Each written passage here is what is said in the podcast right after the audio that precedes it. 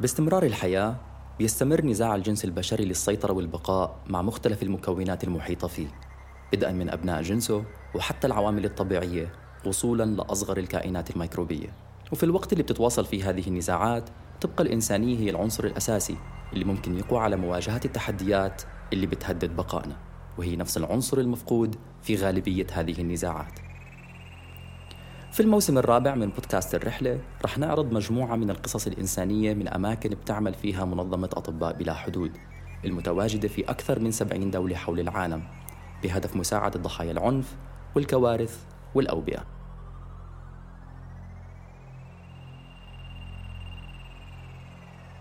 رحلة هالحلقة رح تاخذكم لسطح سفينة الأوشن فايكنج التابعة لمهمة البحث والإنقاذ في البحر الأبيض المتوسط.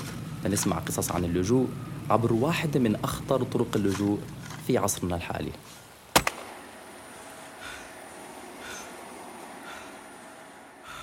أسان هو اسم مستعار لشاب أفريقي من غامبيا.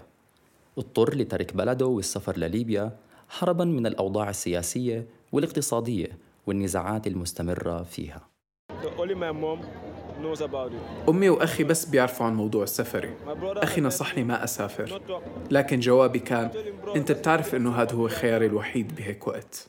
ليبيا كانت مرحلة صعبة في طريق رحلة أسان خاصة أنه البلد بيعاني من حرب أهلية لأكثر من ست سنوات. Libya is very hard to live. It's a place where everybody is like, it's well armed. صعب إنك تعيش بليبيا فهذا البلد الكل فيه مسلح وإذا ما كنت حذر رح تخسر حياتك. حتى الليبيين أنفسهم بيخافوا يطلعوا من منازلهم لأنه في كتير سرقات واعتداءات على الأشخاص. وبالوقت الحالي ما في قانون ولا حتى حكومة. وإذا حدا طعنك أو قتلك بالشارع ما في محاكم تاخذ لك حقك. ليبيا بلد صعب جدا.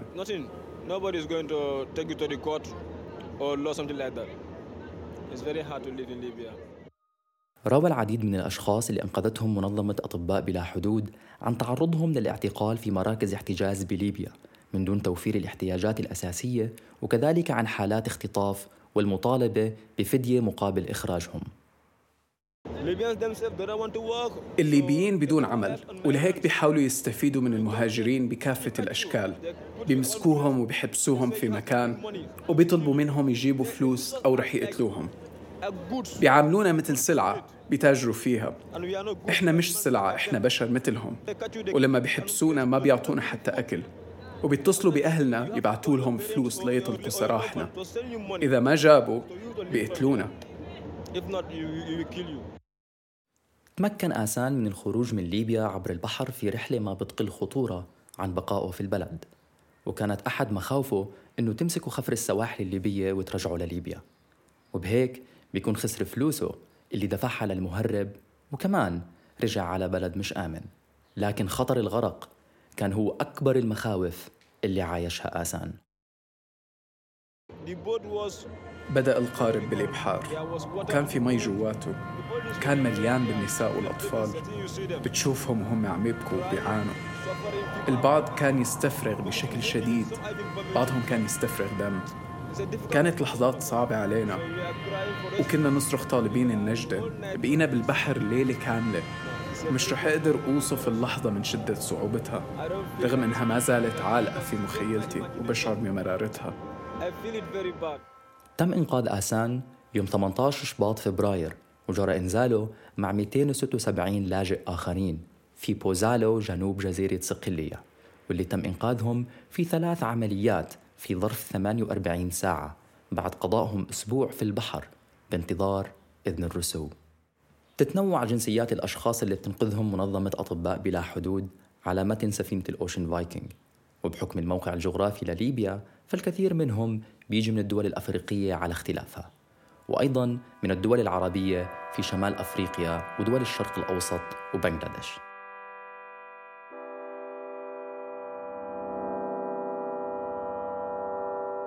سهى هي جزء من فريق منظمة أطباء بلا حدود على متن الأوشن فايكنج وبتعمل كمسؤولة عن الشؤون الإنسانية للاجئين. بتوضح سهى حجم الفارق لما يكون المنقذين عرب كونها ناطقة باللغة العربية. في قصص الصغيرة اللي ما بتحصل عليها بالترجمة خاصة بالمسؤول الشؤون الإنسانية يعني إنك بدك تسمع الناس بدك تقدر تفهم عن الناس. وأنا حسب رأيي اللغة كثير مهمة يعني. للعرب يعني كمان فإنه الإشي اتجاهين يعني فلإلهن إنه في ثقة أكثر آه، فيك آه، أو مش ثقة إنه أكثر إنه زي اللي بلاقوا حدا اللي بتطمنه آه، لأنه يعني إنه هن عبروا بتجارب كثير صعبة فأول ما يلاقوا حدا اللي بفهم عليهن ف يعني إنه they open up. الشيء الثاني هو مني لإلهن إنه يعني كبتفهم كل القصص اللي لإلهن ما في حاجة حاجة ل شرح كثير. ترجمة هي ترجمة حرفية بتكون عادة. أنت بتفهم دغري على اللي عمال يصير.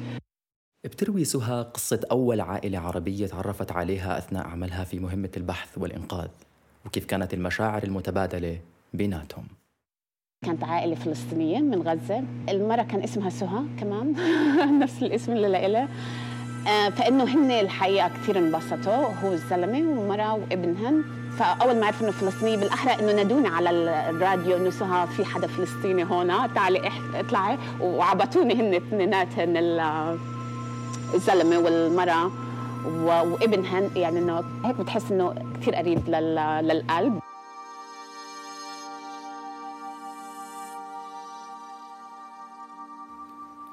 مش بس سهى بتحكي عربي على متن الأوشن فايكنج. إلينا من بلغاريا تعلمت عربي في فرنسا ولبنان وانضمت للعمل مع أطباء بلا حدود قبل عامين كمسؤولة للشؤون الإنسانية. تتذكر إلينا القصص اللي عايشتها مع أشخاص تم إنقاذهم من البحر المتوسط ومنها قصة أحمد الشاب المغربي اللي قضى 40 يوم في بيت بغرب طرابلس تحت القصف والاشتباكات قبل ما يرتب له المهرب رحلة سفره بالبحر. باليوم اللي طلع فيه أحمد مع 82 شخص آخر من المغرب وبنغلاديش على القارب الخشبي. أه، كان البحر هادي وكان أول يوم أه، طلع فيه شمس بالمتوسط من زمان. المحرب أه، اللي كان معهم على القارب أشر باتجاه أوروبا وقال روحوا بهالاتجاه ونط من القارب على بعد 200 متر من الشط. ما عتاهم أي شيء آه، ولا حتى بوصلة لا يعرفوا الاتجاه. وحكى لي أحمد اعتمدنا على النجوم لنعرف طريقنا. وشرح لي آه، كيف تعلم يقرأ النجوم آه، من لما كان مراهق. ما كنا يعرف أبدا إنه هالشي راح ينقذ حياته رحلة أحمد ما كانت سهلة في البحر لأنه قضى مع المجموعة اللي خرج معها ساعات طويلة بانتظار إنقاذهم. وبعد أكثر من 12 ساعة بالبحر بالبرد الشديد وبالنص الليل زاد الرعب بين الشباب. وفكروا إنه خلص راح يموتوا. معظم الشباب كانوا يعيشوا بالجبل بالمغرب. فما حدا عمره تعلم السباحة. بس أحمد ضل قوي وما فقد الأمل وضل يحاول يتصل مع منظمة Alarm Phone لساعات آه، حتى الصبح ولحتى تجيهم مساعدة من أي مكان. جرى إنقاذ أحمد بصباح اليوم التالي من لحظة ما تم التواصل مع سفينة ال Ocean Viking وكانت هاي أول عملية إنقاذ بتشارك فيها إلينا. بتذكر لما شفت القارب من بعيد مليان ومش متوازن وبخطر كبير. ف... فعن جد آه، كانت معجزة لما وجدناهم بالبحر وإنقذناهم. حكالي أحمد إنه أول لحظة طلع فيها على على السفينة حس كأنه حياته الثانية بدت. المهمة الإنسانية تتعدى حدود التعريفات والألقاب اللي بيحملها الأشخاص المحتاجين للرعاية. سواء كانوا لاجئين نازحين أو حتى مواطنين محليين. وخصوصا في الحالات اللي بتحتاج لإنقاذ الحياة مثل الإنقاذ من الغرق في البحر الأبيض المتوسط. كثير صعب إنك توصل على قارب وما يكون فيه عليه ناس أو إنه القارب تسمع يعني الناس ماتت على قارب إنك تحس إنه آه إنه الناس خسرت حياتها. بس مجرد إنه عمالين بدهن حياة ممكن حياة أحسن أو ممكن إنه هن تركين لسبب معين. وتحس يعني إنه فشلنا بمهمتنا. ما بدنا ناس تموت بالبحر. فإذا إذا عندنا العصا السحرية بقول خلي الناس تيجي بدون ما تقطع البحر. افتح الطريق لأوروبا. خلوهم يجوا بطريقة سالمة. بدأت منظمة أطباء بلا حدود بمهمة البحث وإنقاذ اللاجئين في البحر الأبيض المتوسط سنة 2015 على خلفية تزايد أعداد المهاجرين عبر البحر وتعرض الكثير من الحالات للغرق. أنقذت المنظمة من لحظة بداية هذه المهمة وحتى نهاية شهر شباط فبراير 2020 ما يزيد على 81 ألف شخص في 682 عملية إنقاذ.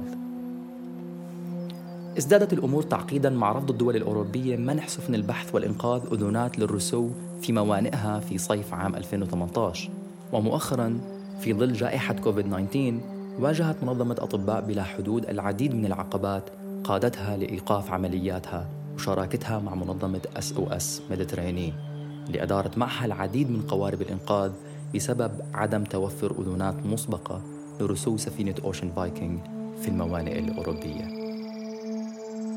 كنا معكم في هذه الحلقة من التقديم حسين عمري من الإعداد والإشراف إيهاب زواتي وعلى المؤثرات الصوتية تيمور معايطة. تابعونا على SoundCloud Spotify Facebook و Instagram لتعرفوا أكثر عن الحلقات القادمة.